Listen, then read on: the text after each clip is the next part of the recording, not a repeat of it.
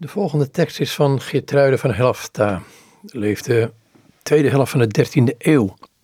Het komt uit het door haar geschreven boek De Heraut en is het boek nummer 4. Het is een citaat. Zoals het evangelie ons vertelt dat de Heer zijn leerlingen de Heilige Geest gaf door over hen te ademen, smeekte Gertrudis de Heer met diepe toewijding om ook aan haar de Geest te willen geven, waaruit alle zoetheid vloeit.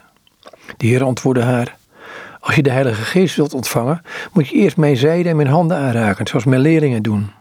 Deze woorden maakten haar duidelijk dat als iemand de Heilige Geest wil ontvangen, hij de zijde van de Heer moet aanraken. Dat wil zeggen, met dankbaarheid de liefde van het goddelijk hart aanschouwen, waardoor hij ons van alle eeuwigheid heeft voorbestemd om zijn zonen en dochters en erfgenamen van zijn koninkrijk te zijn.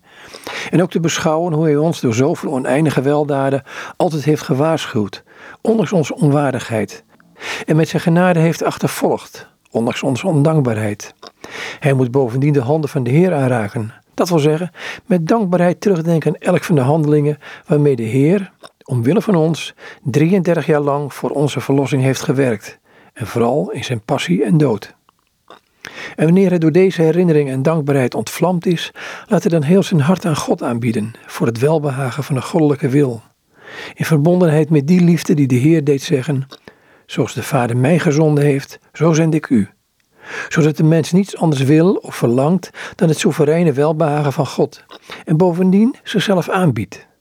Als iemand zo handelt, zal hij ongetwijfeld de Heilige Geest, de Parakleet, de Trooster ontvangen, zoals de apostelen hem ontvingen door het inbrengen van de Zoon van God. Al dus Geertruide van Helfta.